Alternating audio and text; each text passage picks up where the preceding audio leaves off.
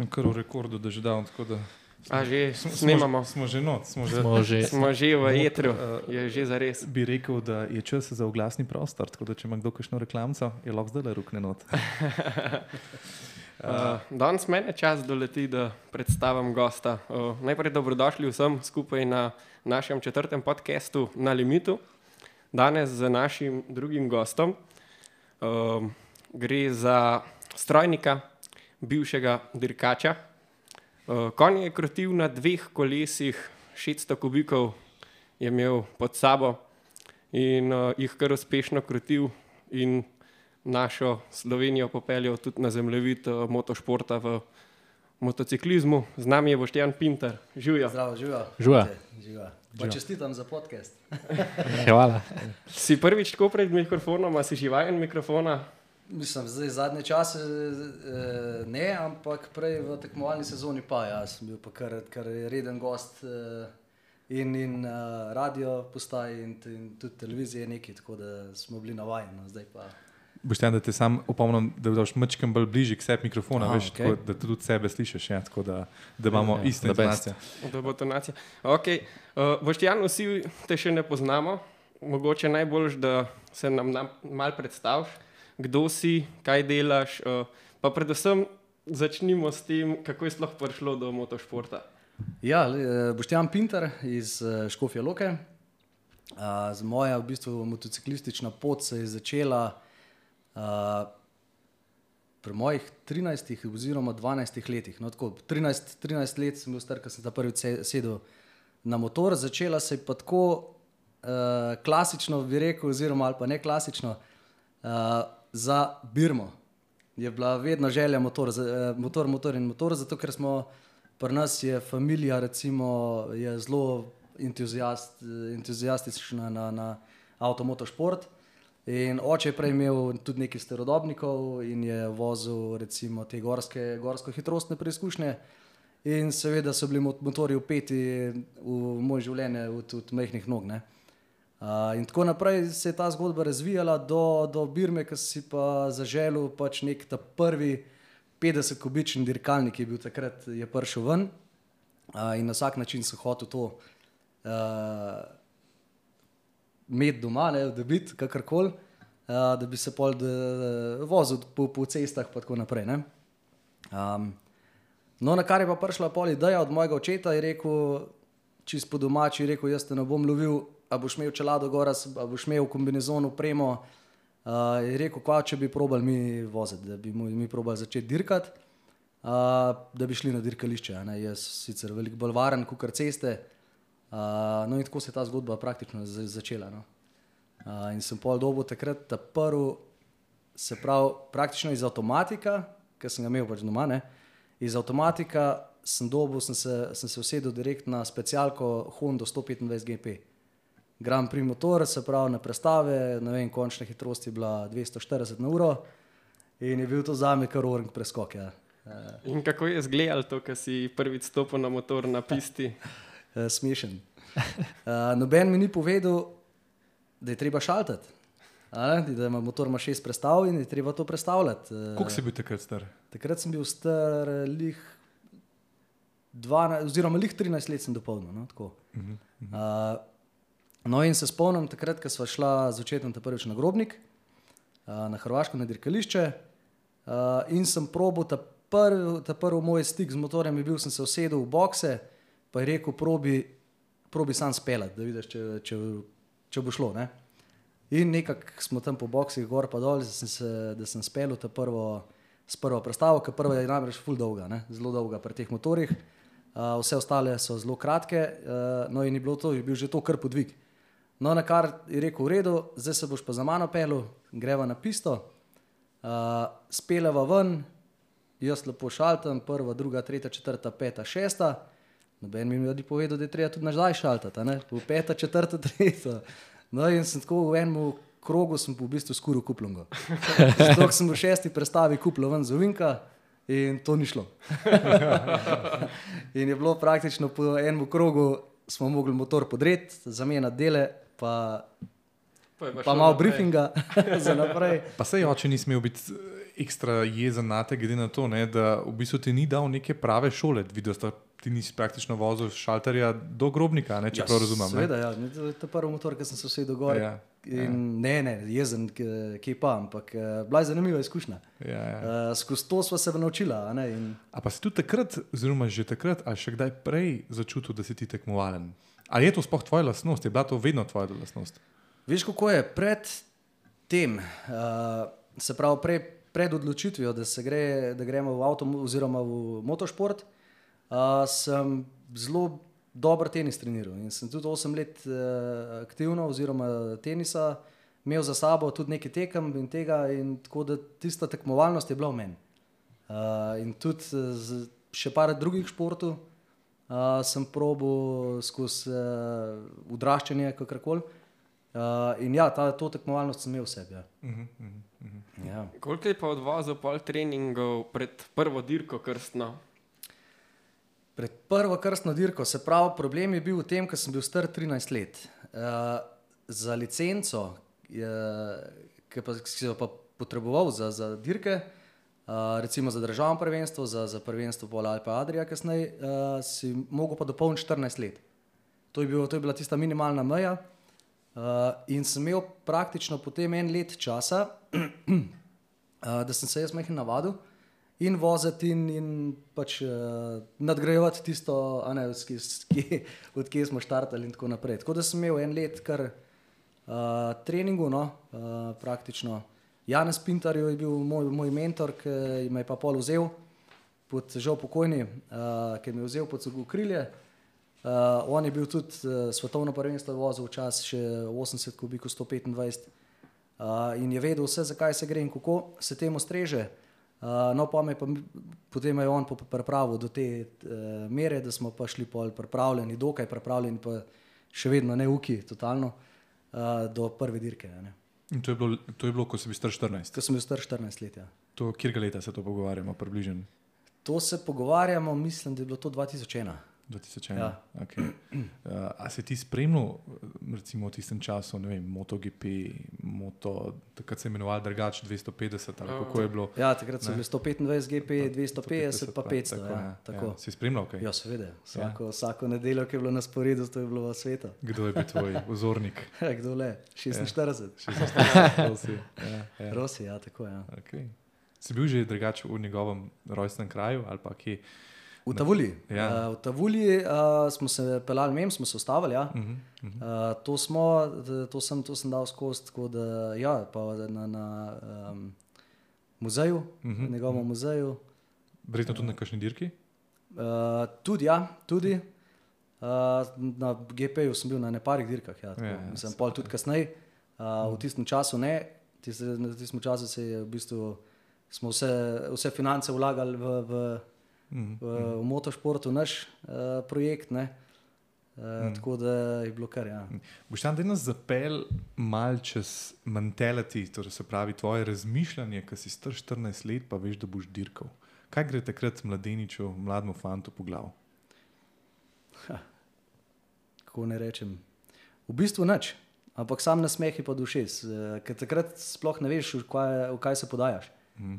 Uh, kakšen je ta šport v bistvu v, v realnosti, pa pol, potem, ki priješ majhen stopničk, par stopničk više in ki pol dirkaš na svetovnem nivoju, takrat se pol ta zgodba, kar se, kar se eh, eh, mentalnega treninga ali pa glave tiče, takrat se to začne. a ne. Prej, prej pa se nismo, nisi, noben ni vedel, kaj se gremo. Ne. Pa, pa se spomniš prvega štarta? Prvega štarta, vse, seveda. Vse, Ja, vse. ja. Daj nam ga opiši. Uh, štart, to je, bilo, to je bila ta prva dirka, ki je bila, je bila mislim, da je bil Bobo Racing ali neki čist izven, uh, neka, neka privat zadeva, ali kako bi rekel, materska. Ne? Uh -huh, uh -huh. Uh, Se pa bo resnik je še dan danes. Ne? Mislim, da še Eh, obstaja, ja. Na grobniku mislim, da je tudi moj kolega ja. uh, še vozi. Ja, tako da, Uh, tako da, ja, to je bil ta prvi moj štart, jaz sem bil s tem, uh, mojim gepelnom, kako bi rekel. Uh, in na štartu, seveda, to ne gre nikamor. Ne? In to so vsi potegnili mem, to se spomnim, to ne pozabil. Ampak v Vinku, ki pa preletiš v Vinki, pa motor ima 70 kg. In to je pa, kaj bi stalo, kaj bi uni stal, jaz sem pa kar, mislim, jaz sem se pa kar mejem vozil. ne. Uh, sicer spet nekje od zadaj, ne, ne, ne od spred, uh, ampak je bilo res mi, taka zanimiva izkušnja, ki je nikoli ne pozabim. No. Kaj so pa imeli ostali, kakšne motorje? Uh, to so bili pa vsi, od Superbajka 600, to je bilo mešana klasa. Uh -huh. Vse naenkrat. Vse naenkrat, ja. Tudi ja. odrasli, se pravi, Ja, člani. ja, ja, ali- seveda, vse. Sam to je kar noro, če pomisliš, 14-letnik, ki prvič v življenju dirka, pa vas Vmes, ja. naspediran. Pa kako je to za fotra stresno? A veš, ne? Tako Čeprav ne. načeloma ga je sam noter spravil, tako da si sam kriv. Ja, je, je kar stresno, moram reči. Ja, to, Kaj mislim- pa, kaj pa recimo polaganje v Vinko? Um, a si že imel od samega začetka, se pravi, nek tak talent, ali si potem pridobival pa- s kilometri? S- Samo, to je pa samo s kilometri. Aha. In tudi uh, spomnim se ta prvega kontakta s kolenom na asfaltu. Ja? Ker sem se tako ustrašil, da sem mislil, da, da sem samo motor poglihal, uh, poravnal pa skoraj ven zapel, zaradi tega, sem se tako ustrašil. Uh, kaj je to, ker nisem vedel, spet mi ni noben povedal. ne. Uh, ampak ja, potem pa s kilometrino to pride, pride že v kri. In, Približno kakšne dimenzije gum si vozil na tem motorju? Približno se pravi, ta zadnja guma je bila 120, Ja. uh, 120, 60, 17, mislim, da, ja, 120, 60, ta prednja je bila pa 110. Ne, kako neprimerljivo, kakšna površina se dotika tal. Pri Če primerjaš motorjih. motorjih, mislim, pri ta velikih je pa 180, 190, ne? Ja, zadnja tudi- guma, ne? 200. Tudi 200, Ja, ne? Ja, Ja, tisti je. čist, čist druga. Ne? Ja, sicer se tudi druga. moči precej manj, ne? Tako, ja, uh, ampak uh, te motorji, to so specialke, to so motorji narejeni fabrško uh, za, za piste. a Ne, recimo, ker velika razlika je GP motor ali pa recimo predelan motor cesten uh, v sklopu ne vem, super štoka, super sporta, uh -huh. super bajka. a ne. Uh -huh, uh -huh. Uh, to je res ve, zelo velika razlika no. v vožnji in vsem. no. Zdaj, če smo pri ovinkih, a si bil bolj ljubitelj teh uh, zaprtih, uh, tehničnih, Ne hitrih. hitrih, Ja, da hitrih, leti, ja. da Hitreje, Hitrej, ja, hitreje je šlo, bolj sem užival. Ja. Ker recimo te kljuke, ne, kako mi rečemo, kljuke zaprte v Vinki 180 nazaj, to je, to je v bistvu sam trpljenje. Eh, Zelo, zelo si fizično obremenjen pri tem, zelo velika koncentracija je. Eh, Recimo pri hitrih ovinkih je pa zelo veliko občutka, eh, pa, pa se pravi ta brzina, ta brzina te pa odpelje čisto v, v drug svet. Ja. Koliko hitro skozi sezono si pa šaltov na više range? Glede na to, se pravi, 2001 si ti začel to profesionalno pot, 2006 si vozil pa že na 600 kubikih, če se Ja, Ne motam. prestopil sem 2005, ta prvič, na, na, iz 125 na 600 supersport. A že tako je tak velik preskok. Ja, ja, 250 klasa se je takrat nekako umikala, oziroma problem 250 GP-ja je bil, da je bil zelo uh, drag. Uh, se pravi, že 125, se pravi, mislim, problem v tem je, ker je vsak trening si mogel ti motor razstaviti, zamenjati uh, stvari noter, kjer so bile za zamenjati, od batu do obročku, uh, se pravi, svečk, kap, uh, takrat so bili še vložki, so se v zgornji kla, eh, kapi so se menjali v, v, vložki, uh, iz te, um, se pravi, izgo, izgorovalne komore. ne. Uh, in je to, bilo, to je bilo res dela nenormalno. Za eno uro treninga, recimo, si imel dve ure mehankarije, da si vse to prepravil. A pa to ste vse sami delali. Ja, vse sem ja. ja. Uh, in takrat smo se bolj pogovarjali, po, po, po tri, mislim, da je bila lih tretja sezona, konc tretje sezone, kaj bomo.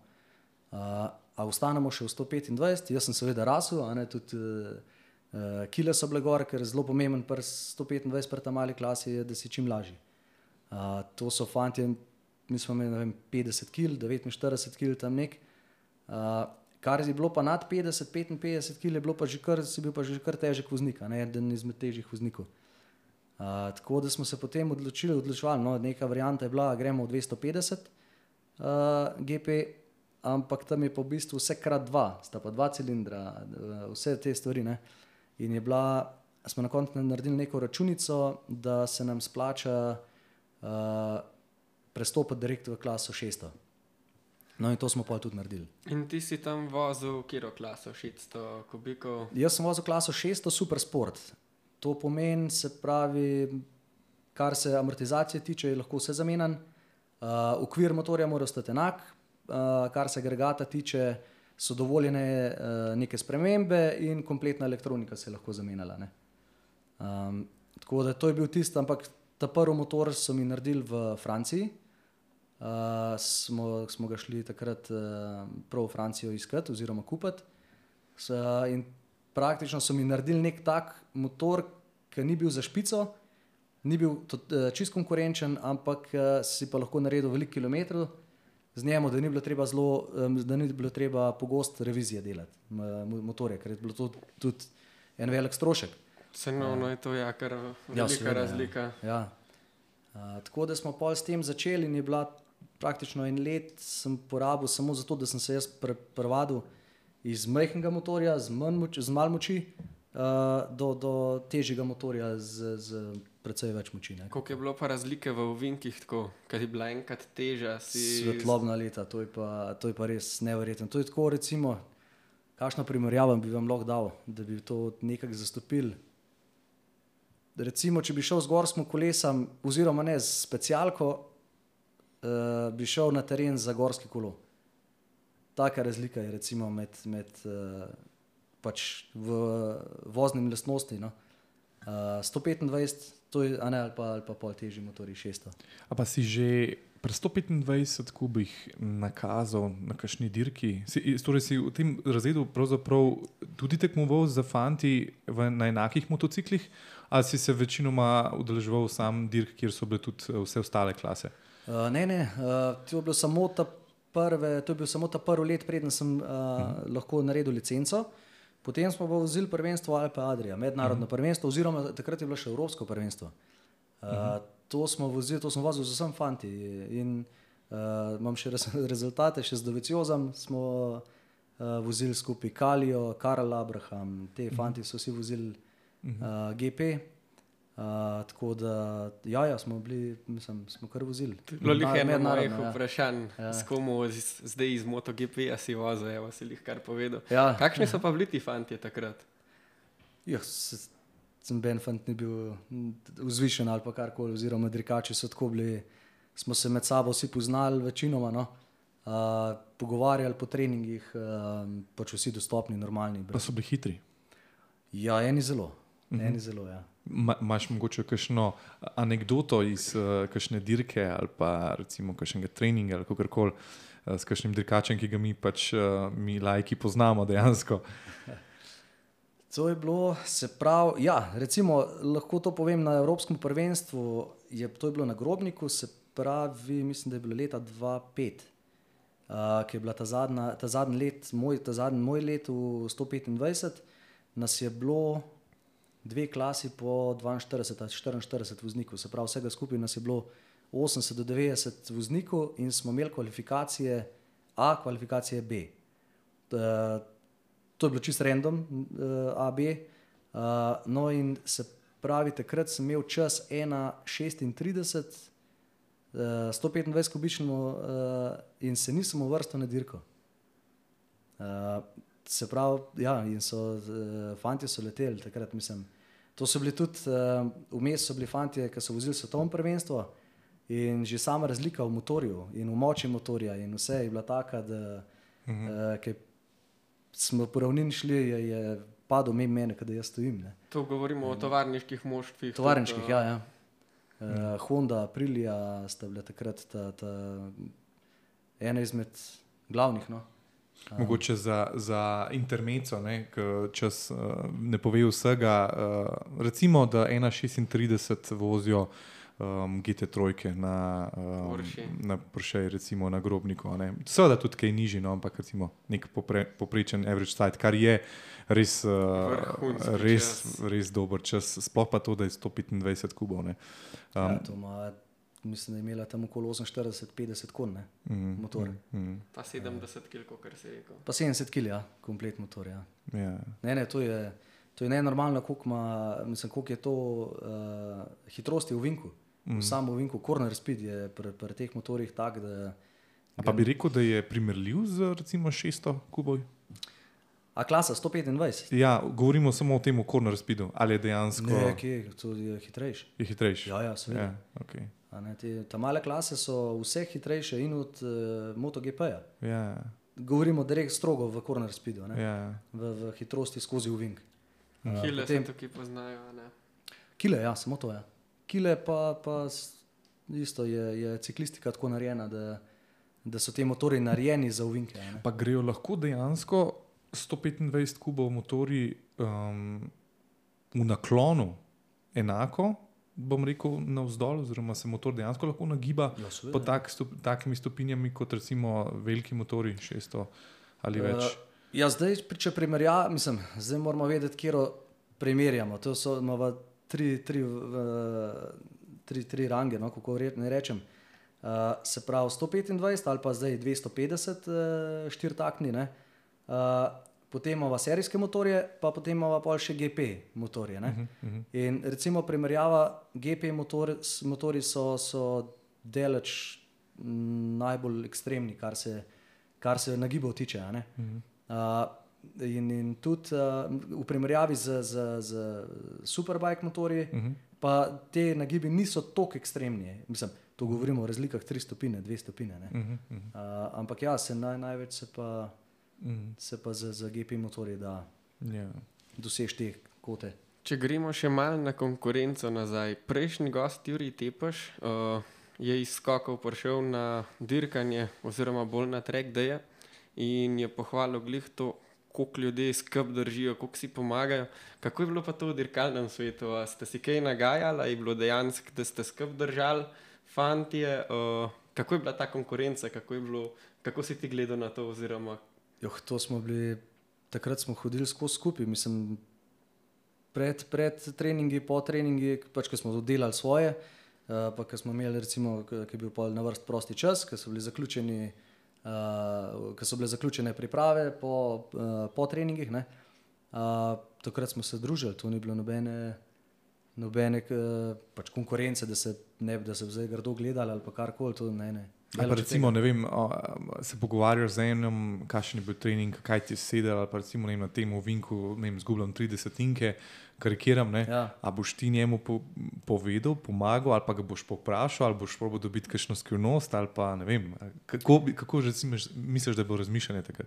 Uh, ne, smo vsi pomagali. Ja. Ja, več ali manj vsi, uh, tudi, tudi uh, od točk zaviranj do vhoda, do izhoda, uh, po, od sektorja do sektorja smo se pogovarjali, kje kdo zgublja, kako. ne. Uh, sicer moram reči, da te prve uh, tri, štiri tovarniške ekipe, to zdaj gledam res takrat, ker je bila konkurenca huda. To je bilo 2006, na, uh, ko smo vozili svetovno prvenstvo oziroma v sklopu Superbajka.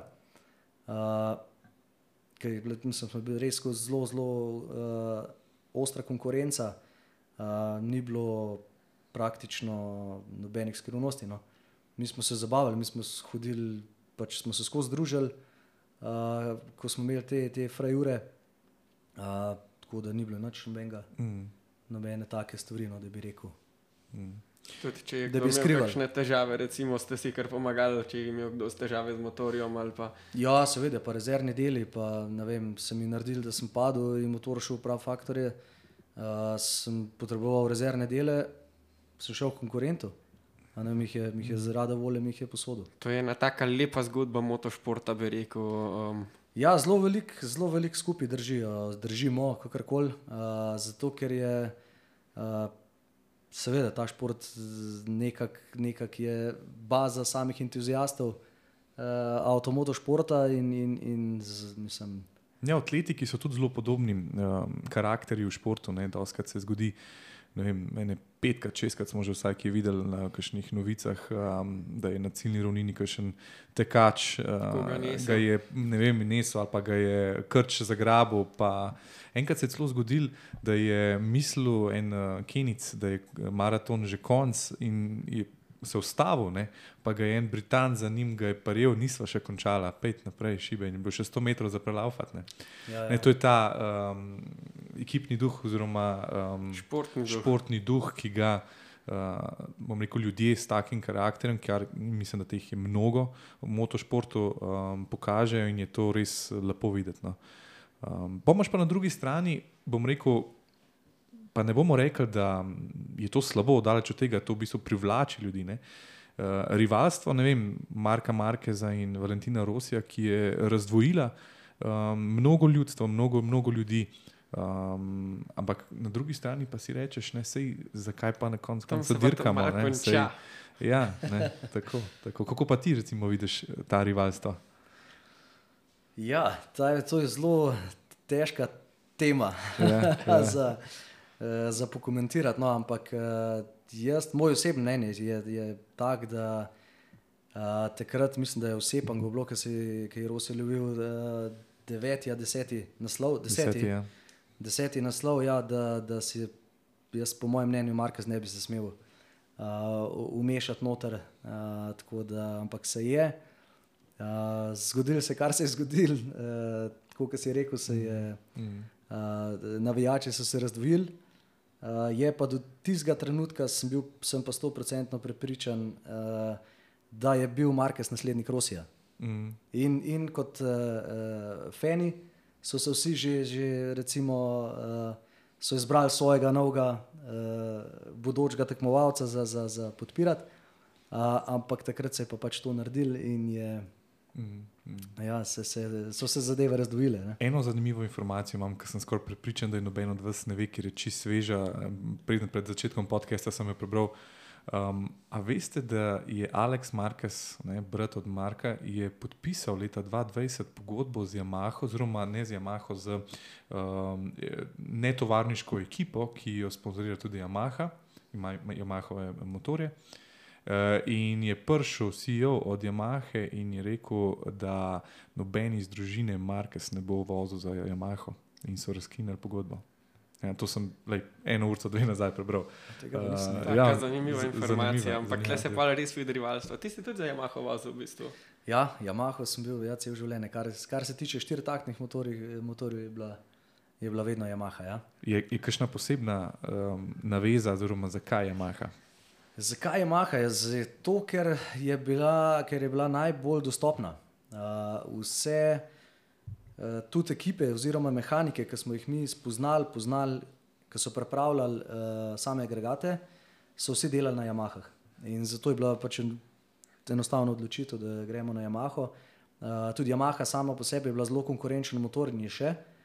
Uh, saj takrat v, v, v supersportu. Uh, Tako da, da je bilo to z- praktično, z, je, je, bila, je bil to razlog, da za- zakaj smo bili na.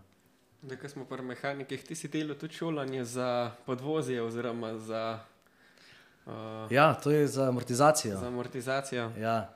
A, res je, ja, to sem se pa odločil sam takrat, zaradi tega, ker a, recimo zelo težko, če, če tvoji mehaniki niso kvalificirani, če ne vejo, a, recimo ti jim daš feedback in ne vejo, kaj narediti s tem podatkom, kako ga, kako ga vnesti recimo v samo amortizacijo. Uh, sem se jaz takrat odločil, to je bilo, to je bilo leta 2007, sem se odločil, da grem sam na šolanje uh, v Italijo, v Andrijaniju. In sem bil, se pravi, tri dni dol, štiri, štiri, ja, štiri dni. Smo imeli izobraževanje, kako dela amortizacija, kaj se uh, dogaja noter, kako, se, nast, kako se jo nastavlja, kakšne so nastavitve, zakaj.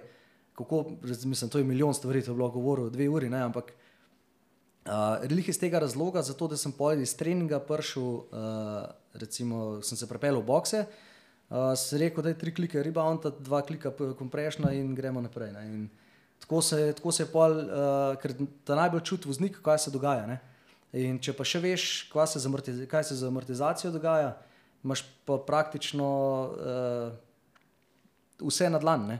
A pa je bilo na šolanju, recimo, ki so povedali nek podatek, da si bil, uh, to je to, tle, tole rabim. Ja, seveda, uf, skozi sem velikrat sem se not najdel. no. Si Mislim- kaj zapisal, na- pol, ali si pol, Ja, ja, sem prinesel popisan blok, sveti blok.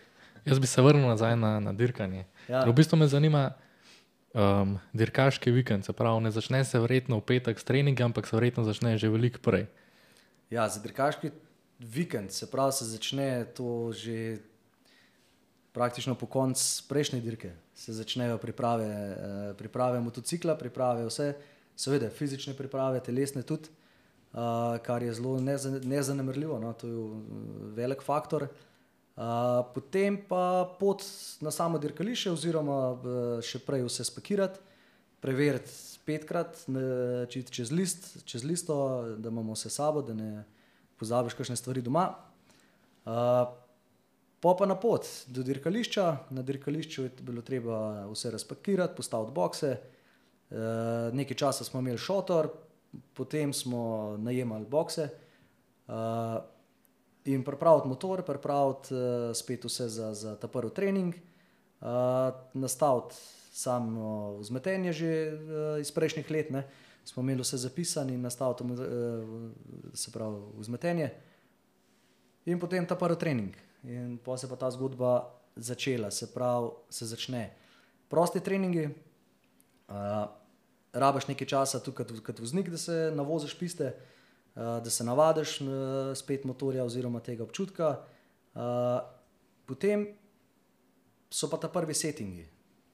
Uh, in najprej, se pravi, najprej je, je gearing z, z prestavno razmerje, ne, oziroma v ne predstavljeno razmerje, ampak uh, zobnik, zobniško. Uh, to je prva stvar, potem je ciklistika, uh, z višine ta prvih vilc, zadnjega amortizerja. Uh, ko je to vse nekako približen, uh, poštiman, potem so pa fine nastavitve, potem so pa tiste, tisti detajli, no, ki pa dajo na koncu tisto zadnjo sekundo, oziroma pa so stotinke, pa desetinke. Boštjan, kako veš, um, kako ti motor pove, da nisem še dobro nastavljen, da me ne vem, malo me strši ali pa ne vem kaj. Kako, kako komunicira s tabo? Ja, to moraš čutiti, to, to čutiš, kaj se dogaja pod tabo, ne? kaj se dogaja z motorjem pri pr bremzanju, kaj se dogaja z motorjem sredovinka, pri pospeševanju. Uh, to je milijon enih faktorjev, ki jih moraš ti kot dirkač zastopati. Ampak se recimo lahko zgodi, da eh, imaš točko zaviranja, ki veš, da je, ne vem, karikiram pri stotih metrih, ne, ja. pa zaviraš, pa ni to to, ne vem, kaj bo začel, ne vem, motor bo tresel, ali motor ne bo brenzil, kot bi hotel, ali ne, vem, ne bo se ulegel, kot bi se hotel. Kako, kako se to pozna? To se pozna, se pravi, recimo, če dam primer, da je od spred motor premehek, ne, uh -huh. da, da ko zabremzaš motor, za, mi rečemo, da ga zabije potem ni kontrole nad motorjem, motor pleše, zadnji konc je, je, je čisto v luftu in se pravi, plešeš pol metra levo, pol metra desno, res na, na, na strogem zaviranju. Uh, recimo, to je ena stvar, taka, ki, je, ki, je, ki je, te upozori, da nekaj ni, mm -hmm. da mhm. nekaj ni prav, da nekaj treba predstaviti. Uh, potem je druga stvar, se pravi, tudi če smo na točki zaviranja, je motor pre, prenizek, je isto, pa, je pa ta zadnji, se pravi, pa ta zadnji kolo gre v luft. Uh, in po je tle treba narediti te uh, detajle, oziroma spremeniti settinge. Uh, in zdaj, če razčlenimo v Vink še naprej, uh, je od točke, ko se spusti bremza, ko se zapele v Vink. Se pravi, steering oziroma uh, krmiljenje. krmiljenje ja, tako, Ali je podkrmiljen, ali, ali, ali se motor zapele v uvink, ali motor tiši ven, ali drži linijo, uh -huh. ali ga zapira, je balanca, recimo, eh, da, da, da pleše plava. No. Uh -huh. To pomeni, da je premalo teže od sprejeti in tako naprej. Uh -huh. uh, to je ta, ta drugi eh, del uvinka, ta tretji je corner speed. Uh, se pravi, s kakšno hitrostjo si uh, sposoben odpeljati uvink brez, brez gasa. Uh, to je tudi zelo pomemben podatek. Eh, potem je pa ta prva točka obračanja, se pravi, ko se prvič dotakneš gasa, je, je, je, se pravi, spremeniš smer motorja oziroma smer uh, ovinka in potem pospeševanje ven. To je res, v enem ovinku je ta milijon takih faktorjev, ki jih recimo moraš znati prebrati, da lahko dosežeš potem hitre čase. Uh mhm. -huh. Kakšna ekipa pa je stala za tabo? Seveda, to verjetno ni one man band, ampak verjetno kar številčna ekipa. Ja, bi si želel. Eh, ne, imel sem se prav dva mehanika, uh, moj oče in uh, še en Boštjan. Uh, tako da praktično več kot dveh mehanikov pa jaz nisem imel. Nikoli. Samo ti si imel tudi teammate, uh, Ja, to je bil pa Boštjan Skubic. Nam znan uh, kot so komentator Ja, z za, za Gabrom MotoGP. Kržišnikom. Tako, ja, in Gaber je bil. Uh, smo vozili skupaj, ja, uh, kar par let, uh, sva bila skupaj v timu. Uh, in, in ja, ja je, je tudi zelo hiter, hiter voznik. Ja. A pa ste vozila en proti drugemu, ali en z drugim, mislim, sta se izm- izmenjevala? Ne, so si bila kar konkurenta. Uh -huh. uh, tudi, se pravi, tak, mi dva smo takrat se spoznala ta prvič, ko smo šli voziti Daytono. Uh -huh. uh, Inoterem, zlati sponzor, uh, se, se še enkrat moram zahvaliti, uh, mi je omogočil potem to športno pot mojo, uh, da se je tok nadgrajevala, pa da smo prišli do te, jaz bi rekel, zase in za, za naše razmere najvišje stopničke. Uh, nam je to omogočil, in hkrati je bil pa tudi sponzor Skubicu, ki je pa vozil Daytono v Ameriki. ne. Uh, in potem smo se nekako na enem sestanku smo se, do- smo se dogovorili, da pa grem še jaz probat. Ne. Tako se je pa začel s to, da je to no. Koliko Ja, si bil star se- takrat? Uh, se pravi, to je bilo pa dva, ta prvič, ko sem jaz Daytono vozil, je bilo, je bilo to se pravi 2006. Da, malo povemo še, da je to je ena največjih uh, motošport dogodkov. Uh, zelo, zelo, zelo blizu uh, TT-ju. Ja, Uh. uh, v bistvu je edina, edina neustrajnostna dirka, uh, pri kateri se menjava gume pa toč gorivo. Začela se je leta 37 na plaži, če se jaz ne motim. Ja, da je to na bič, mislim, da je bila. In Ja. to traja 200 mil, se pravi. Tako, 200 mil, se pravi, mislim, da je 320 km, dolga dirka, traja nekje slabi dve uri, uh, je, pa, je pa res naporna. Pa to si sam, to se ne menjajo vozniki. Ne, ne, sam, Sam. sam. ja. Ti si to odpeljal. Ja. Dej nas ti popel čez to dirko, če se ne spomniš vsega, vsaj približno, eh, predvsem tudi iz psihološkega vidika uh, in pa telesne priprave. Obo, vse, vse nas zanima, detajli. Z Glede, se pravi, glede telesne priprave, za da je to, da je to res naporna za, za fizično stanje voznika. Uh, lahko povem, da pred dirko in po dirki je bilo, mislim, da okoli 4 kg razlike uh, v sami teži. ne. In Ta, jaz sem bil navajen, navajen dirk po 16-17 krogov, uh, na tam jih je, mislim, da smo jih 60 delili. Ja, še, Koliko si rekel? še kakšen več. Koliko si rekel? 60, ampak po mojem, da jih je. Ja, mislim, jaz malo karikiram eh, z Formulo 1, Formula ki je 1, približno ja, 300 kaj- km isto, ne, pa je tudi vedno tam 60 krogov, ne, tako da bi znali biti. Ja, Recimo nekaj- nekaj 70, takega, no. Ja, ja. Uh, no, in je, ker sem bil jaz navaden teh evropskih naših dirk, po, po 17, 18, 20 krogov, je bilo ta prvič, ko sem od- odpeljal, da je tono, sem po dirki zbolel, prav zbolel. Vročino dobo in mm. uh, dehidracija, vse te stvari, no pa smo se pa začeli mi majhen bolj pripravljati na to naslednja leta. Uh, tako da to je, bil, to je bila res ena taka stvar, ki me je šokirala, uh, koliko dejansko moraš biti fizično pripravljen za to dirko. ne. Uh, to, je, to je ta ena stvar, druga stvar je bila, da uh, ta prvi let, ki smo uh, pelali Daytono, smo motor kupili v Ameriki. In kupili smo ga tako, da smo pri lokalnem dilerju uh, plačali uh, motor, novo Yamaha R6 z trgovine. Mi smo prileteli v Miami, vzeli avtodom, mehanik se pa, je pa uh, pelil moj motor po cesti do dirkališča. Se pravi, to je nekih 200-300 km je bilo od Miamija do Daytone, oziroma 400. No? Uh, da, je, da se je sam, sam agregat, sama mašina, da Se je ulaufala. Ja. No, in pridemo mi na uh, zvečer, pridemo na, do dirkališča. Uh, v bokse nismo mogli uh, priti, ker smo prišli zelo pozno zvečer, mislim, da je bila ura okoli 11. In gremo uh, pred, pred trgovski center, Walmart, se pripeljemo dva kemperja uh, na, parkiri, na parkirišče, vmes dva parkirna uh, mesta smo pustili uh, pro, uh, frej, motor je ven in razkopati vse, plastika dol, luči dol. Uh, auspuhe, pa, auspuhe, se pravi, izpušne sisteme, pa amortizacijo smo imeli sabo, se pravi, uh, v Boršah smo vozili uh, izpušne sisteme, pa, ta- pa, pa amortizacijo. Tako da je bilo to so bile še komedije na, na mejah oziroma na letališčih.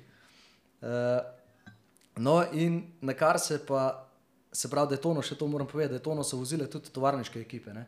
Uh, Suzuki, Niki Honda. Hayden zmagal, v bistvu, Tudi, ja. poznamo iz MotoGP-ja. Ja, bra, tu, vsi bratje Hayden so vozili tam uh, v Daytonu. Zato, Pa si ker- ti vozil tudi takrat, ko je on vozil? Ne.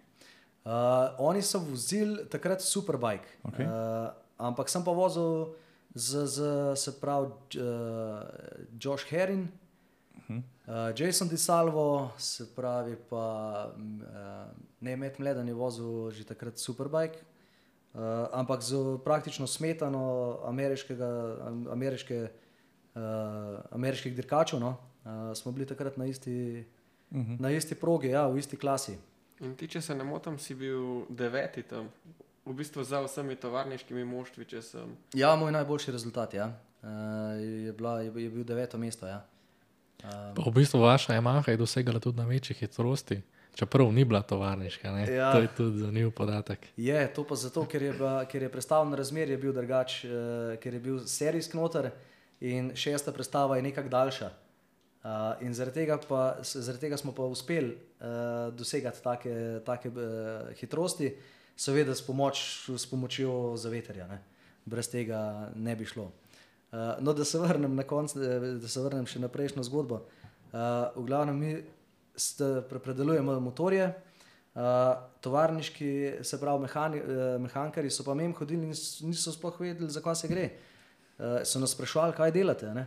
Jaz smo rekli, pripravljamo motor za, za eh, Daytono, za trening. Smo niso mogli verjeti, kako na parkirišču sred, sred trgovskega centra. Uh, so se vsi smejali, so se nam. Ne? In, uh, no, pol na tem prvem treningu smo jim pa pokazali, smo bili pa že kar blizu. Ampak kakšne so to razlike, recimo na taki dirki? Ne? Kaj vemo o MotoGP-ju, če je razlike ne vem, 15 sekund, je to že, hu, že kar velik. Ne? Ampak uh, kako je pa na taki dirki? Zdaj, uh, da je to, ko se je vozila na začetku, so, je bil pravilnik uh, drugačen. Se pravi, tam je bil pravilnik Formula Extreme. To pomeni šesto, šesto klasa, ampak open. To pomeni, da si motorji si lahko zamenil, kar si hotel. In tovarniške ekipe so imele po recimo 20-25 kon več, kot pa naši motorji. ne. Uh, in tle takrat ni bilo primerjave. Potem so pa ta uh, skozi leta, se pravi, oziroma skozi leta, na dve leti je bila še Formula Extreme, potem je bil pa že štok. To so pa že regulirali, zato ker je, ker je bila prevelika razlika. Uh, praktično so med sabo tekmovali samo tovarniške ekipe. Ne? Uh, To verjetno je bilo ful prevelik uh, vložek, da bi vi uh, probali mm, sestaviti motocikl ja, seveda, to je, 25-30 konjev več. Ne? To, je, to je bilo nemogoče. ja, ja. To so imeli, to so imeli tovarniške ekipe, so imeli po šest agregatov za eno dirko. Zato, ker je en agregat zdržal en trening in je bilo konc. Ne? Ja, ja. Uh, Navito, ne? Ja, Navito, to tako navito, da, da je ja. zdržal ja. praktično 100 km. Ne? Mm, mm. Um, dobro za, za, za dirko uh, je bilo, so, so imeli, uh, ampak tudi je praktično, da zdržijo samo eno dirko in Tebi pa tvoja maha um, celo sezono. zdržala. Ne, ne samo tek dirko, celo ja, sezono. Seveda, ja. Ampak prvo tudi en agregat. Ja, vmes se je, če se je podaril, kdaj, recimo, smo, uh, vedno smo imeli en agregat rezerve, uh, to je bil pač to je nuja, ampak ne pa recimo deset ali pa ne. Bog ne da, pa da še kaj navijo, pa posega noter. Ja, na koncu v supersportu smo imeli narejen motor, recimo, da je bil no, narejen. Mislili smo, da imamo narejenega, smo da ga dali pomeriti, imel pa isto kon kot serijski. Ne, ampak, Kako pa sploh prideš na Daytono? Imaš mogoče kakšne kvalifikacije, ki jih moraš doseči? Ja, moraš imeti neke rezultate v, v mednarodnem merilu, uh -huh. oziroma nekje za dosto celo državno prvenstvo, ampak uh, ni se pa mogoče prijaviti, recimo kot uh, čisti amater, prvič, a ne. Uh, moraš imeti neko kilometrino za sabo. No. Kakšen je pa kaj budžet, recimo Daytone? Ja, zdaj to je od do, odvisen, kaj si prvošiš. Uh, ne, naš je bil recimo, uh, kaj je bilo recimo tam nekje med 30 in 40 tisoč evri. Uh, ampak to je pomenilo, da je v tem paketu je bila priprava motorja uh, in tudi motorje smo poslali iz Slovenije v, v, uh, v Ameriko, uh, se pravi z, aviona, z avioni. Uh, potem je to je bil v bistvu največji strošek. No.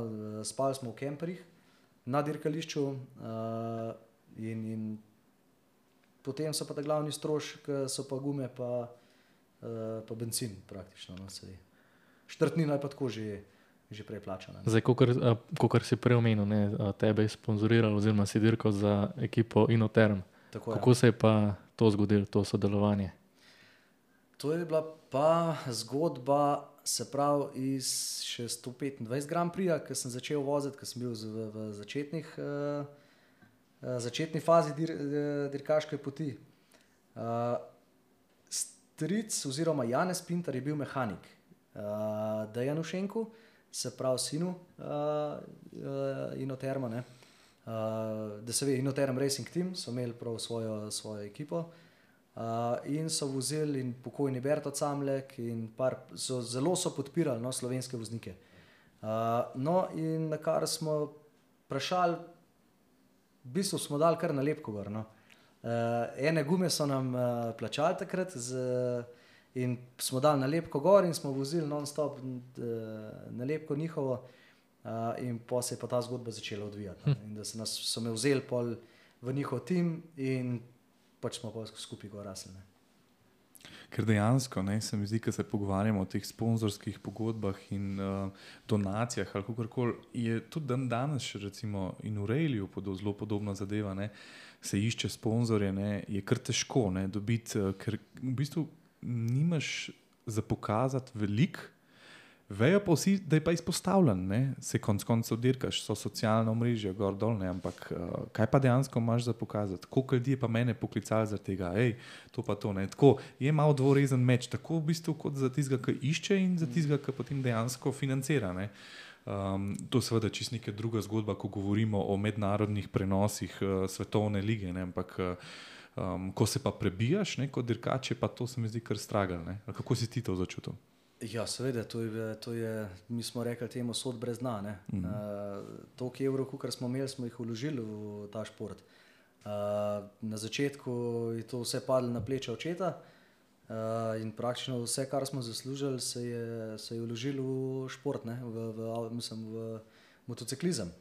Uh, in jaz se spomnim, koliko, smo, koliko enih kilometrov, pa koliko enih obiskov sem naredil, uh, da sem recimo nazbral, nabral toliko sponzorjev, da sem si recimo, pa ne vem, če sem si vse gume pokril uh, za, za sezono.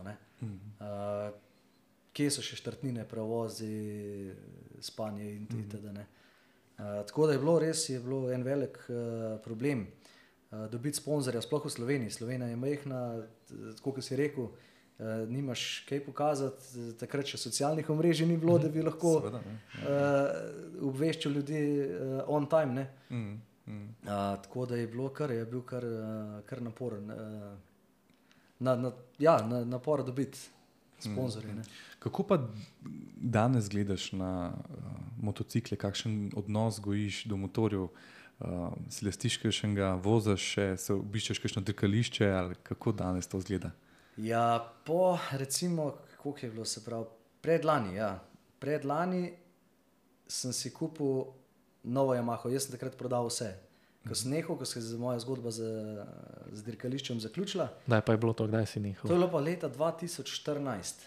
Uh, eh, sem odpeljal ta zadnjo dirko, uh, potem pa do predlani, se pravi, nisem imel nobenega motorja.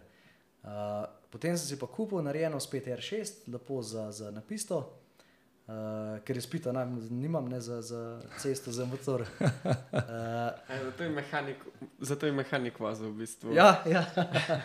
zato je vozil takrat ja, v Ameriki. Uh, ja, nimam izpita in sem si rekel, zdaj pa čas mogoče, da spet mehen uh, obudim te stare, stare strasti. Uh, sanam tako vsak drug dan, uh, še vedno. Ne, in, to stane, to ni, mm. ne, ne izveni. Uh, no, in sem, kaj pa sem pol, po koliko pa je bilo? Če, po deset, deset let plus, ne, 2014, ne, devet, ja, po devetih letih. Čakaj, ne 2014, to je bilo 2012, je bila ta zadnja dirka. Tako je bilo, 2014 sem šel po eno voziti, še zaradi, zato da se državno prvenstvo število v Sloveniji. Mm -hmm. Je bila samo ena dirka, tako je bilo. Ja.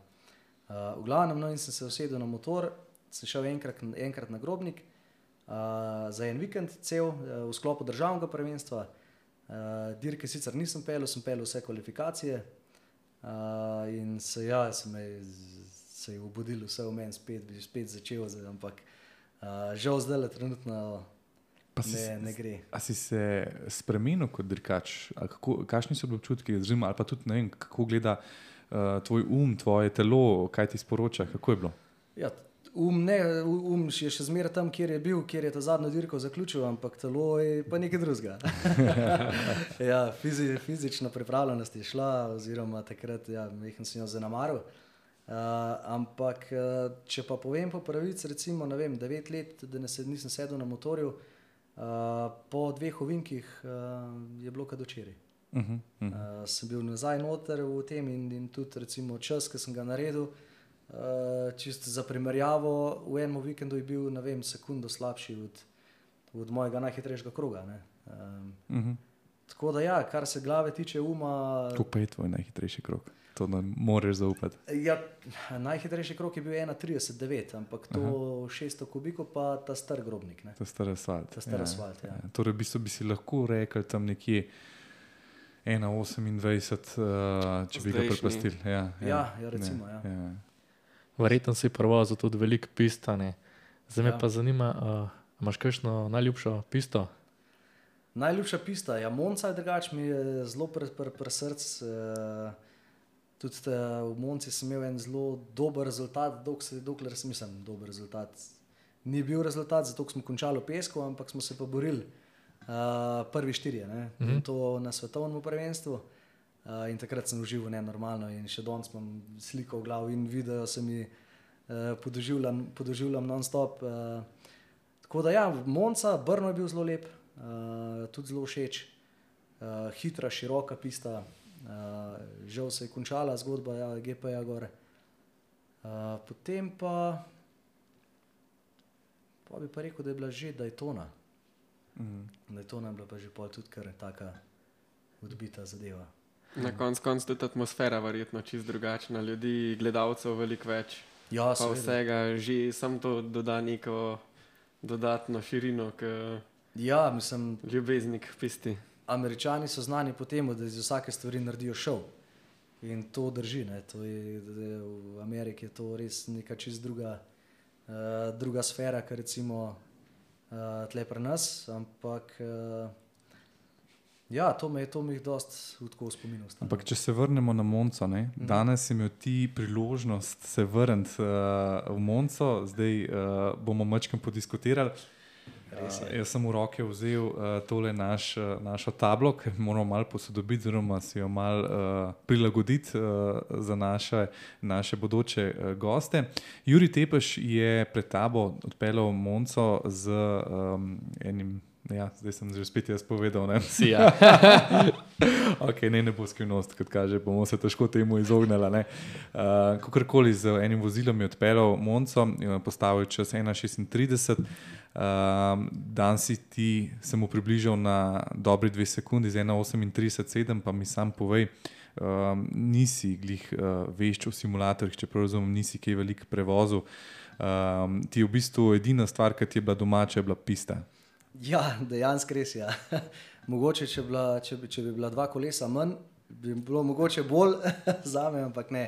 Uh, res je, ja, tole simulator, mislim, res je super stvar, navdušen.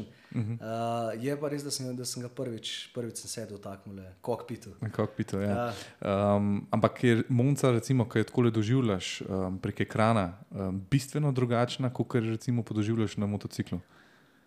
Ja, seveda je razlika. Uh, sama konfiguracija niti ne, ker, ker je, uh, je res proga taka, kot je, uh -huh. kot, mhm. kot je v resnici. Uh -huh. uh, sicer tukaj so brzine veliko hitrejše, skozi vinke. Uh -huh. uh, ampak uh, ja, res zanimivo. No? Bi, bi še prav. Bi še. okay. uh, ja, seveda tudi naši uh, nadaljni gosti, ki prihajajo v naš kokpit. Um, bodo potestirali simulator in bodo se borili za glavno nagrado, ki jo še nismo določili, čakamo na kakšnega zanimivega sponzorja. uh, ampak ja, splača se, vsakmu gostu to povejo. Um, imamo še kakšno zanimivo vprašanje, ki časa nam že. Uh, Ja, iztekel? mi smo podcast na limitu in verjetno si velik dirk vozil tudi sam na limitu, ne, po želji, da bi dosegel čim boljši čas. In uh, verjetno zaradi tega si tudi daj padel. Da me pa zanima, uh, kolikrat se je pa recimo to zgodilo, ali pa imaš mogoče v spominu kakšen tak hujši padec, ki se ti je zgodil v karieri. Ja, ja seveda, da pač poseganje po limitu prenese tudi pace in teh ni bilo malo. Uh, recimo, če bi tle izpostavil ne vem, tri stvari. Ta prva je bila, da sem recimo v eni sezoni naštel, mislim, da jih je bilo, je bilo 23-24 pacov. Se pravi, to je bil vikend, ki sem bil po trikrat, štirikrat na tleh. In tista sezona je bila za me grozna in nisem več vedel, kaj delam na robe, kje, kje so problemi, zakaj do tega prihaja itd. In to je bila ena taka stvar, ki, ki, ki se mi je, recimo, ki je nam nikoli pozabil. Ne? Uh, imel sem pa tudi dva taka zelo, zelo grda paca. No? Se pravi, eden je bil na Hungaroringu, uh, to je bila zadnja, zadnja dirka sezone 2009, ki sem bil tudi pol evropski prvak oziroma prvak Alpe Adrije. Uh, sva se, z, z, z, mislim, da je bil Polak takrat za mano, uh, sva se v dveh krogih, vem, odpeljala konkurentom za, za 7-8 sekund. Mhm. Uh, in so bila oba tok na limitu, e, v dveh ovinkih so se trikrat zamenjala. ne. Uh, v glavnem, in jaz vodim, uh, vodim tisti krok in preletiva gor v en ovink, lih, ne vem, če koliko poznate, kaj je Hungaroring, uh, po cilju desno, desno, levo in pogre pa meken gor v klanc. Uh -huh. No in ta, na koncu klanca je levo ovink uh -huh. in jaz se zapeljem noter, še po želji, še mečkam hitreje, še malo dodati. In mene katapultira, mi ta zadnji konc mi odnese, me vrže čez. Highsider, pol, ne? Highsider, ja, in Ja. to tako, da je bilo groza. No, kar je bilo pa še slabše, je bilo pa to, da je bil pa Polak 20 cm za mano.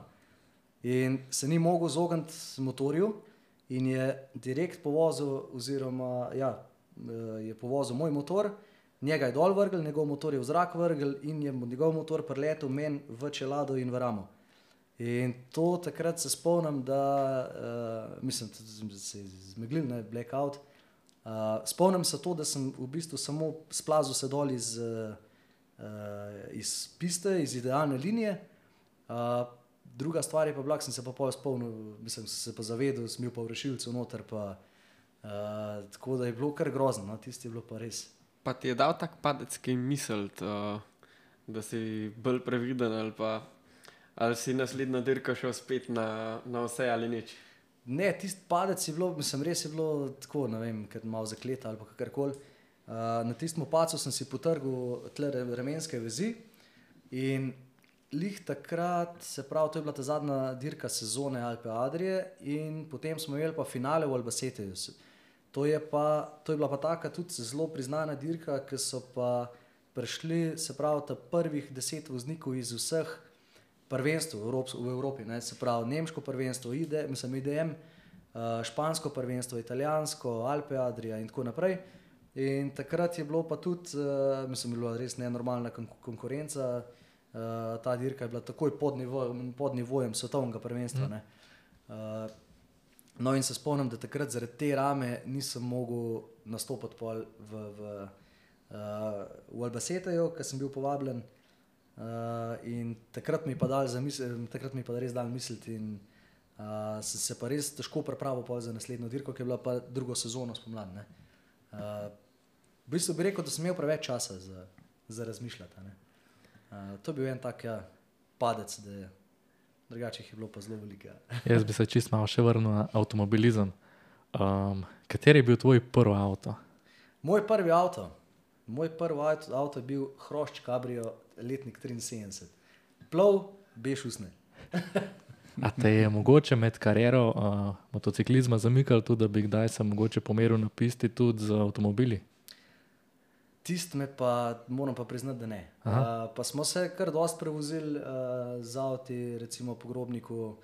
Uh, in, in me pa nikoli ni, ni, ni me toliko potegnil, da bi rekel, uh, da je to je pa boljš kot pa motociklizem. Uh, še vsem dva kolesa, sta dva kolesa. Uh, Ampak veš, kaj mi je zelo zanimivo, ker jaz izhajam tudi iz uh, motociklov.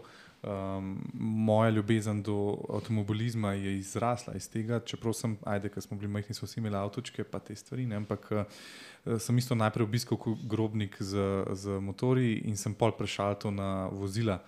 Mene pa pri motociklih mi je, bom rekel, glih problem, ampak stvar, ki jo sem jo hitro opazil, je, da je neverjetno potrebna uh, telesna pripravljenost in koliko težko je to prelagati. Um, in držati, kot si rekel, trpljenje, vsako bremzanje. Uh, Medtem, ko si ti v avtu na štiritočkovnem pasu in se ne premikaš, in Ja. dejansko uh, moraš res prileteti do, oziroma priti visoko nekje do Formule 2, Formule 3, št- eh, oziroma 1 ali karkoli, da ti um, trpiš od G-Forsa. ne. Um, no, in to me je pri avt- avtomobilih pa rekel, ok, ja, tukaj malo lažje. Motocikli so res težki mislim, res je. Kdor, kdor ne ve, no, dejansko bi mogel probati. Uh, Iti na eno pisto, ta veliko, ta pravo, sprobati moč motorja in dejansko, kaj vse telo doživlja na motorju, ne? ker to je res stres za njega in za, in za glavo, in za vse skupaj. Dejansko si po takem treningu, pa sploh ni treba, da je vem, eno uro, dve motoriranje, to je lahko že pet krogov, pa si izmučen. Ne? izmučen Ja, ja. Ja, res je. Ja, fizična pripravljenost je tle prvotnega pomena. Zato, ker če recimo nisi zadost fizično pripravljen, uh, če ti začne kondicija pojenjati, potem glava ne dela več. Ne? Refleksi niso več ta pravi in to je pol vod uh, samo v, in v napake in v pace. ne. In zato je pa ta, ta nivo pri motociklizmu, recimo, uh, no se tudi pri vseh drugih mm. vrhunskih uh, športih, je ta nivo fizične pripravljenosti res na visokem. Mm, mm. Ker se ti dejansko, ne, en uvink si na tleh, eh, se držiš, ne, go, motor je tam gor, ti si na tleh v, v enem pol počepu, v bistvu eh, s stegnjenim levim kolenom ali pa desnim, kakorkoli. No, eh, in čez pol sekunde si ti lahko že na desnem ne, in se prekladaš levo, desno. Mislim, Ja, seveda, ker ti recimo s ti s telesom voziš motora, ne, ne, Ja, ja, ne z ja. ja. balanco. ja. Uh, in tudi uh, recimo v samem ovinku, pred ovinkom, razporeditev teže oziroma težišče spremenjaš s telesom in to je res ogromno enega dela na motorju. Ne? Mhm. In še to recimo na ravninah, uh, moraš motor mehen kad jahati. Ti Mhm. nikoli ne sediš na motorju kot, kot klada ali pa ne vem, Mhm. eh, ki bo peko gor dal. Ne? Mhm. Uh, ampak ti motor moraš jahati, kot skoraj bi rekel, mehen kot konja. In, uh, da razbremeniš te sile in da dobiš še tistih ekstra 200 obratov mm. uh, za tisti kanček več hitrosti, ki, ne, ki, ti- ki jo dobiš s tem. Uh, in ja, dejansko je bilo, ko je bilo res, ja, je bila pripravljenost. In, in če spremljamo recimo MotoGP, ne, pa potem spremljamo tudi njihove poteze na ravnini, ki uh, pišejo ne, v tistem dashboardu, mapping 4, mapping 6, uh, ne, razne informacije, ki si delijo. Uh, verjetno imajo te dirkači tudi določene nastavitve, ki jih uh, upravljajo tekom dirke, predvsem pa na ravnini, ko imajo čas, ne po domače rečeno, da to naredijo. Uh, ja, oni pravljajo kar precej več stvari, kot samo mapping. Ja, ja. Uh, imajo še od spredi in, in za, za težo, kar je na par gumbov. Ja. knofu, uh, zdaj po ta novem celo iz Uvinka ven motor spuščajo od, spo- od zadaj. Uh, tako da je to res, mislim, nenormalno veliko podatkov in me res uh, fascinira, da kako so še sposobni voziti. No, oziroma, zdaj te, če strogo gledamo GP, MotoGP, so motori že tako sofisticirani, pa tako napredni, uh, da praktično zelo m- mal pride uh, do izraza talent, sam talent, surov talent, talent dirkača. ne. Uh -huh, uh -huh. Uh, je od zadaj, se mi zdi, da je že veliko več, uh, se pravi, tekmovalnosti v samo inženirstvu med uh, timi. a ne. Ja, ja, ja. Uh, in se mečkam se bojim, da ta MotoGP pre, prehaja v svet Formule 1, ne? Uh -huh. uh, kjer je v bistvu tekmujejo inženirji med sabo, ne, ne sami dirkači. a Ne? Ja, ja. Uh, ampak ja, zaenkrat no, se še, uh, še spremljamo take, Uh -huh. take dirke, da nam uh, poženejo kri Ja, pri MotoGP-ju so res orang betli, oziroma nasploh, ja. ki gledaš tam ni prehitevan, tako kot pri formuli, ki čakaš na tisto ven iz ravnine, da pride iz zavetarja, ampak je vsak kolo z ta dva motorja zraven. Ja, Kakšen je pa, verjetno je lihto najboljši občutek, ki ga ti doživiš, ko si enemu bok ob kolesu, pa da ga še prehtiš. Ja, mislim, tudi nam se je velikrat naredilo, da smo in v ravnini, in v Ovinku smo preleteli s komovci naslonjen trije.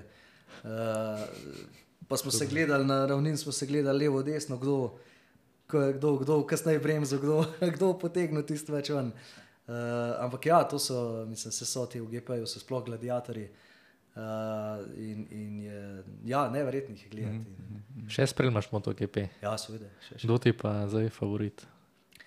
Se pravi, favorit mi je drugač Banjaja. Uh -huh. uh, ne zato, ker zmaguje, ampak mi je bil že odprej, že od uh, Moto 2, uh, ki je vozil. In fascinira me pa ta njeg- njegova mirnost, uh, skuliranost, uh, tako prav malo kolerika je. In, Mm. uh, tako da ja, recimo, no, da je pa Rosijeva šola, seveda.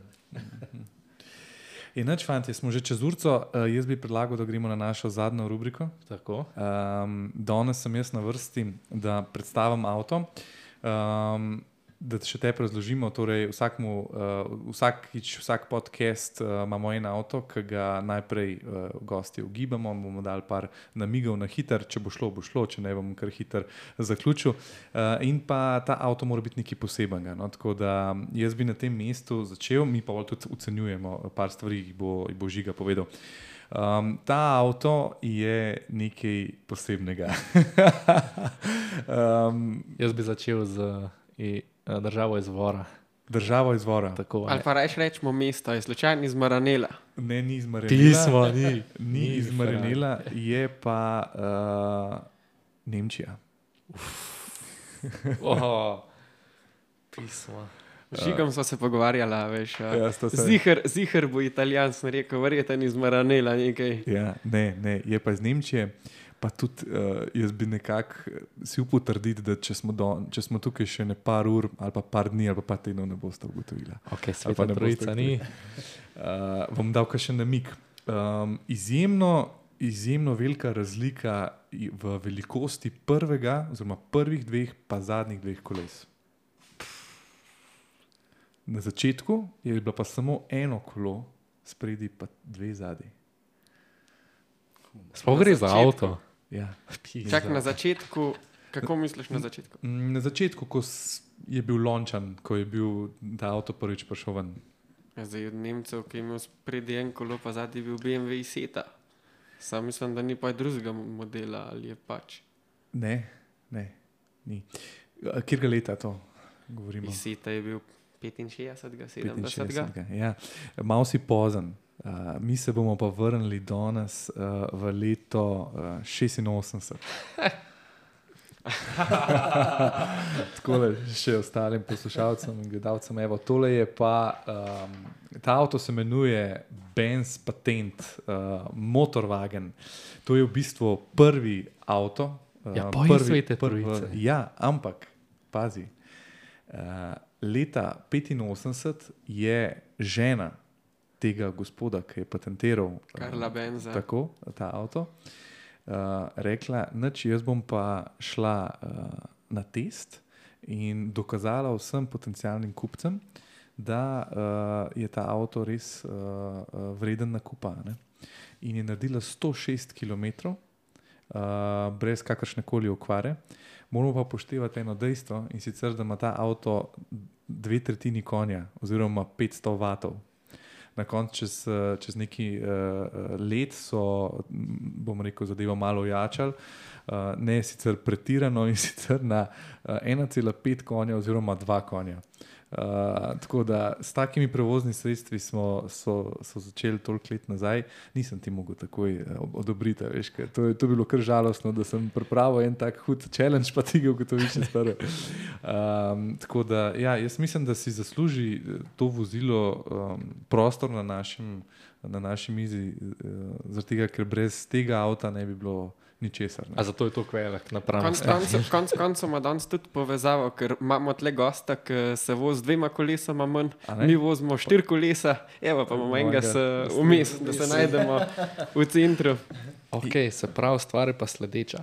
Os- Avtomobil ocenjujemo se pravi po izgledu, kolik, uh, od 1 do 10 ocenjujemo, se pravi, uh, oceno izgleda mu daš, potem mu daš, uh, če bi ga kupil, se pravi, če bi imel vse denar na svetu, pa da je ta avto vreden, pač neko vsoto, če bi ga imel.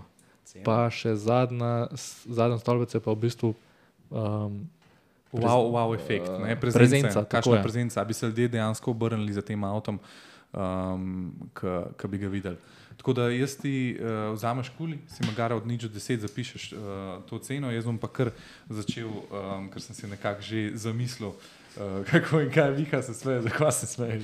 Zato, ker je grunten, kva bi dal. Kva bi dal, ne? Vse težko, res je. res je težko. Ej, jaz pa tako, no, pri izgledu sem jaz dal kar šestko, zato ker moramo upoštevati, da pač to, ne, to sploh ne moreš reči, ne moreš reči old-timer. Kaj je to?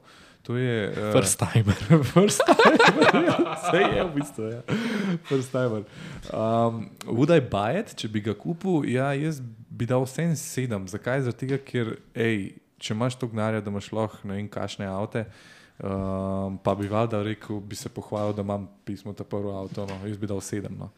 In zdaj prezenca, wow, efekt, mislim, da je to prvič v zgodovini podcasta, da Mišel da deset, ko jaz sem dal Ja, deset, zato ker uh, jaz sem stoprocenten, da kdor, itak jaz mislim, da prvi, oziroma polovica ljudi bo mislila, da je neka kučija na benzin ali pa nekaj tazga. Ne. Um, tako da ja, to je pa desetka. Um, žiga, izvoli. Se pravi, za izgled sem mu dal pet, Okay. Še vse je star avto, ima tri kolesa. uh, ja, le, pet. Okay. Potem, uh, če bi ga kupil, uh, sem mu dal šest. Pač definitivno to ni avto, ki bi ga imel v svoji zbirki, ampak je pa se pravi prvo avto um, in bi bila neka vredna, dodana vrednost zbirke, ki bi jo imel. Um, prezenca sem dal pa devet. Se strinjamo, ja. nekar. Kar, kar visoka naj bo, ker so še vse en ta zgavta, pa Pač ni. vidiš več. Ja, ja. Miha, Jah, uh, jaz sem dal izgled 7,5, zato ker bodimo realni, zgleda športen, špičasta oblika, taka Aerodinamičen. ne. aerodinamika. Bo. Mislim, okay. da, mislim, da bo lepo zaradi krize pri tistih 10 km, ki jih je dosegel. Um, tako da smo dal 7,5, a bi ga kupil 3. Jaz nisem to, da bi ga imel, čeprav bi ga pa pel na grobnik, če bi imel šanso ga imeti. ja. Bi bilo, bi bilo kar zanimivo, verjeten. Kako mislite, da bi cajt postavil na grobniku? Veš kaj, taki ni. Ja, če bi zjutraj začel, zvečer bi bil pa že. Je stopil na koledar. ne, Ej, koliko ima pa tukaj? Zdaj, če gremo-? Jaz mislim, drugač, da si se zmotil. Jaz Ja. mislim, da bi vse ta Ne, avto bi saj- imel zihar čas, ne vem, 6-7 minut. Ja, ampak ja. Dejansko ne bi bil Ja, vse ne, tistih 21 je dosegel, 20 je mojem šel, ja, tazga, ja, takega, ja. parpelo bi se Ja, lepo tako je. v izi. No, prezenco sem mu dal pa 8, jaz bi definitivno pogledal, ampak še skozi je pa to star Mercedes, ne? Ja, res je, res je. Res je, res je. Zdaj pa še Ja. naš Ja, gost. še boštjan. Jaz bi mu dal za izgled eh, čisto desetko, zato ker je res unikaten in Bravo. je pač avto na mestu, čeprav s trem kolesi, še zmeraj avto. Ampak, ja, ja. Eh, tako da, ja, recimo, damo desetko. Če bi ga kupil, bi to, za, za to bi dal recimo pet. Uh, tak avto spada v muzeje in ja. jaz bi rekel, da ga pač ni mogoče kupiti. ne. Ja. Uh, tako da tle bi dal petko, za prezenco pa spet čisto desetka, zato ker ne. 100%, 100 prepričan sem, da če bi se pel tam po ulici, da ni človeka, ki se ne bo obrnil za njim. Ja, dejstvo. Dejstvo. Se kar strinjamo, drugače.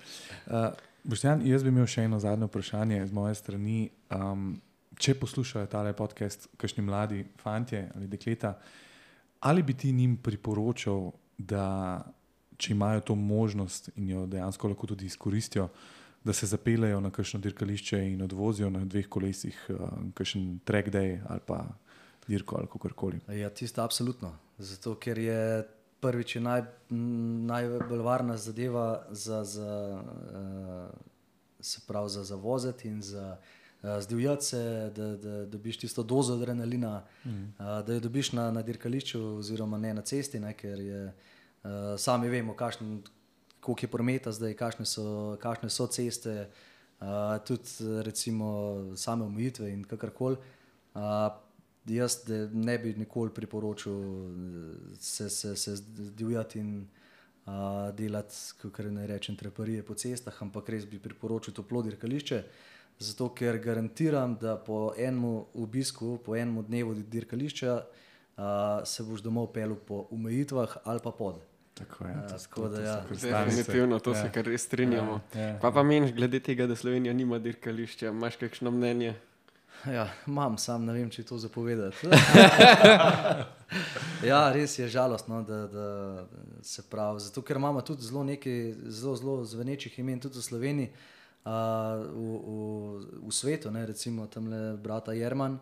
Uh, Jerman je bil svetovni prvak v Endurancu z ekipo Jartne in uh, s- še, še ta, teh imen je. Če ne drugega. Gajser, sicer ni glih dirkališče, ne, ampak lej. Vse, ja, no. Definitivno. Ne, Uh, tako da, ja, jaz mislim, da že, že smo z deset let prepozen uh, s dirkališčem in uh, žal tudi v prihodnje, tudi v ne prihodnosti ne kaže. se ja. enkrat, ja. ja. Uh, tako da, ampak jaz mislim, da bi ga pa krvavo pot- potrebovali. No. Je. Po mojem se res kar strinjamo tle. Ja, ja. Zdaj, če smo še malo futuristični, a kakšno imaš pa mogoče mnenje o električnih kol, uh, motornih kolesih? Jo, težko mnenje. ne, uh, vse lepo in prav, je- prav je, da gre naprej, prav je, da se razvija. Uh, uh, Da se razvijajo motori, motocikli in s pač takimi in drugačnimi pogoni. Ampak uh, žal sem stara šola, oziroma kakorkoli ne rečem, stara šola in uh, benzin je benzin, von po benzinu je, je to, to, kar ne bi bilo pri pr, pr avtomotošportnih. No. Mm. Uh, govorimo o strogi šport, ne za vsakdanje uporabo. ne. Pa ko kar plačujemo benzin, je fajn, da se ga tudi malo sliši. Zvok je pa absolutno stvar, ki je na mestu ne, Ja, ja, ja. pri teh stvareh. Tako da ja, eh, podpišem še zmeraj za naslednjih 20 let benzin. Ja. Tudi mi podpišemo. Če ne drugega, re, eh, la- lažje rečemo, da smo na limitu, ko pride na 10 ur, 15 ur, v kakoli obratu, ker pri elektriki je sam končna. Ne? Definitivno res. Ja. Pa si mogoče še kaj povezan z motorji zdaj? Uh, Ja, povezan. Povezan sem recimo tako, da izdelujem vem, dvižne mize za, za servis motorjev in teh stvari. No. A, tako da to je ena taka, bi rekel, stvar, ki me še veže na, a, na motorje, na motocikle, delo z njimi. in itd. A, tako da ja, na to sem pa pač obiskujem tudi kakšne a, dneve na grobniku, to, da, je, da se duša mehen. V prihodnosti še gotovo kaj pade, kakšen motocikl. Ja, res je. Uh, to sem pa tudi rekel sam pri sebi, uh, da, da v naslednjih parih letih, no, to, da se seveda zdaj le firma umiri, pa, pa družina, pa vse skupaj, da otroci mehen zrasajo, uh, bo pa naslednji motor Moto 2. To pa bo. Uh, Ja. Jaz mislim, da smo uh, tukaj eno, spustili eno uh, um, vabo za prihodnost, uh, da ko bo Moto 2 doma, pa mogoče celo kakšna uh, um, dirkica odpeljana, materska ali karkoli, uh, da se zopet slišimo. Da se spet vidimo v kokpitu. Redu, Okej. okay. Jaz sem za. Fulti hvala za obisk. tako da Hvala vam. Zmerno. Hvala, čau. Čau! Čau.